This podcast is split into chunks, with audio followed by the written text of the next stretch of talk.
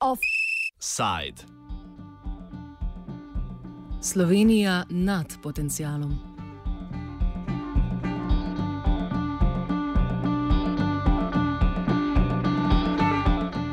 Danes se je zaključil vsakoletni obisk misije Mednarodnega denarnega sklada, poznanega pod angliško kratico IMF.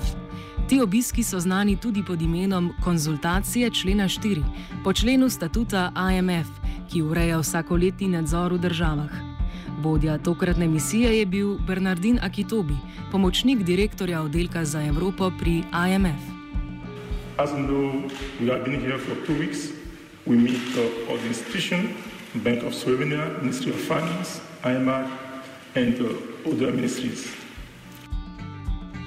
Celotno poročilo misije bo izdano šele februarja ali marca prihodnje leto. So pa že sedaj povedali, kakšna bodo njihova priporočila. The first finding we found here is that the recovery, economic recovery continues. And Slovenia is growing well above the euro area average. And this expansion we are enjoying here is going to enter the sixth year next year. It's not by chance. It's because you have done structural reform in the past years, maybe a decade ago, and these reforms are bearing fruit today. Klasika torej.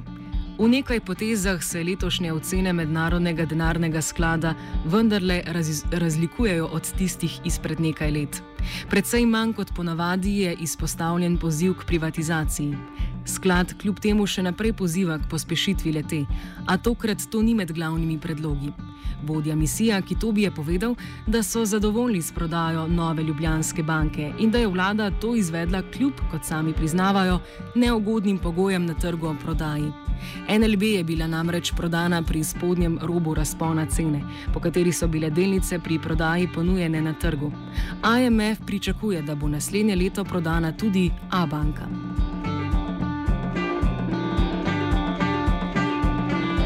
Pri predlogih vladi je bilo največ govora namenjenega produktivnosti. We need to do structural reform to improve productivity, as I said. And the key reform we see there are labor market reform. We, we should try to reduce the administrative burden to help companies grow and innovate. We should also accelerate the privatization program to make sure that we are increasing investment domestically and also from outside. And all of these together should put Slovenia on a path of higher growth, higher productivity tomorrow. Večina gospodarskega zaostanka Slovenije za evropskim povprečjem izhaja iz nizke produktivnosti.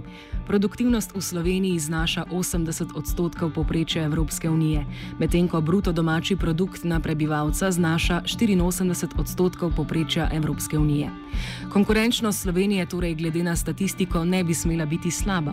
En zaposleni je lani v povprečju ustvaril okoli 43 tisoč evrov dodane vrednosti.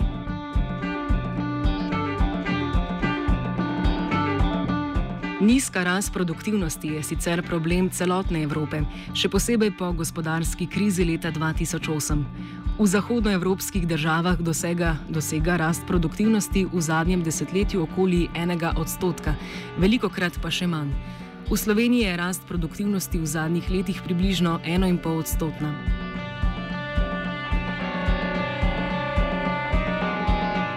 V luči produktivnosti vidi IMF tudi pozive sindikatov k višanju plač.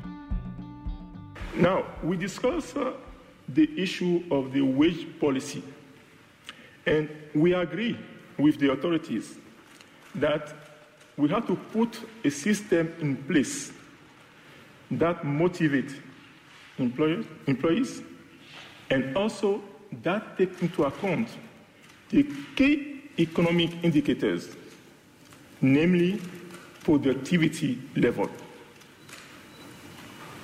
Wage growth should not be beyond productivity growth. Drugo izpostavljeno področje je bilo vprašanje pokojninske reforme. There are proposals there we can support. And the, the most important, as we just said, is the increase in the retirement age, so to 67. We hope, because of the aging, that the retirement age should be linked to the demographic change. This is not the first time other countries have done so the same issue. And moving forward, we believe that the most important thing here is to make sure that we increase the effective retirement age. With the first reform that was done, we see some increase in the effective so retirement age. So we should continue to see that with the new reform so you have now in the pipeline. And for that, we have to give incentive to people to work longer.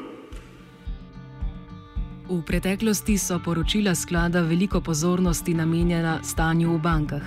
Takrat je sklad ugotavljal, da je nesposobnost bank, da bi nudile ustrezne kredite podjetjem, eden ključnih razlogov za počasno gospodarsko okrevanje. Letos je posojanje gospodinstvom doseglo precejšnjo rast, še vedno pa je relativno nizka rast posojil za podjetja. For corporates, they are very liquid now, right? So the lending so to corporate is picking up too, but it's slow. It's lagging so behind so the growth rate of household so lending. But it does not mean that so they are not having fund to invest. They are liquid, so corporate companies so that are liquid are using their internal funds so to invest. Morda najbolj zanimiva pa je trditev IMF-a, da je slovenski bruto domači produkt večji od potencialnega v tehničnem žargonu, da ima Slovenija pozitivno proizvodno vrzel.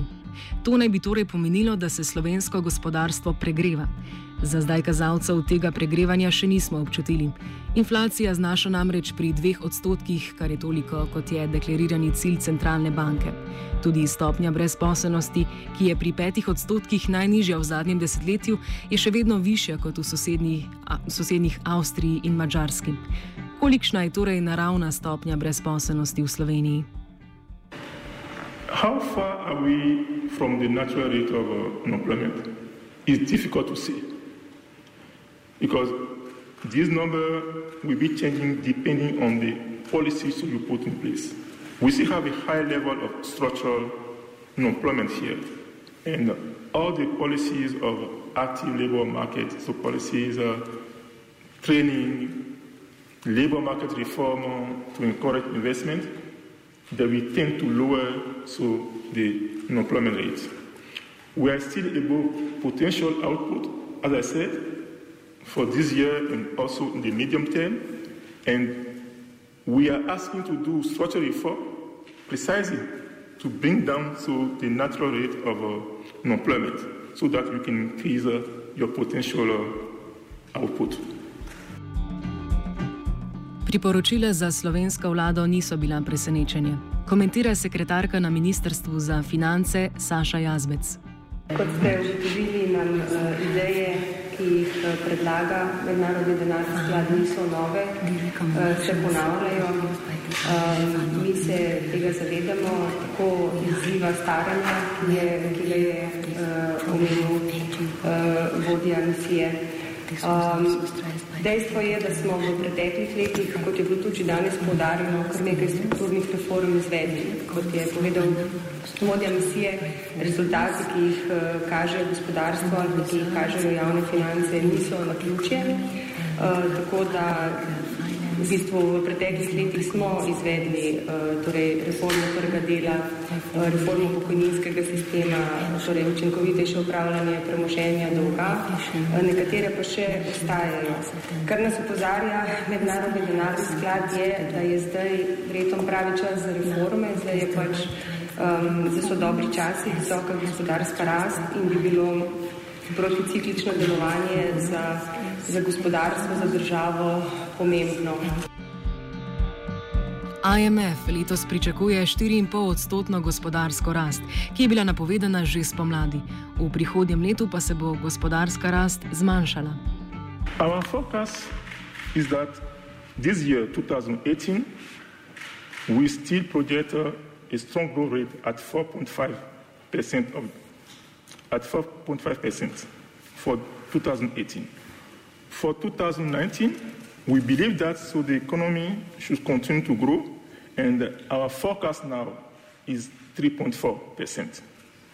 Again, there is a lot of downside risk to this forecast. And as we continue to monitor the international economy, we see that there is a political, geopolitical risk. Offset je pripravil Gal. Off.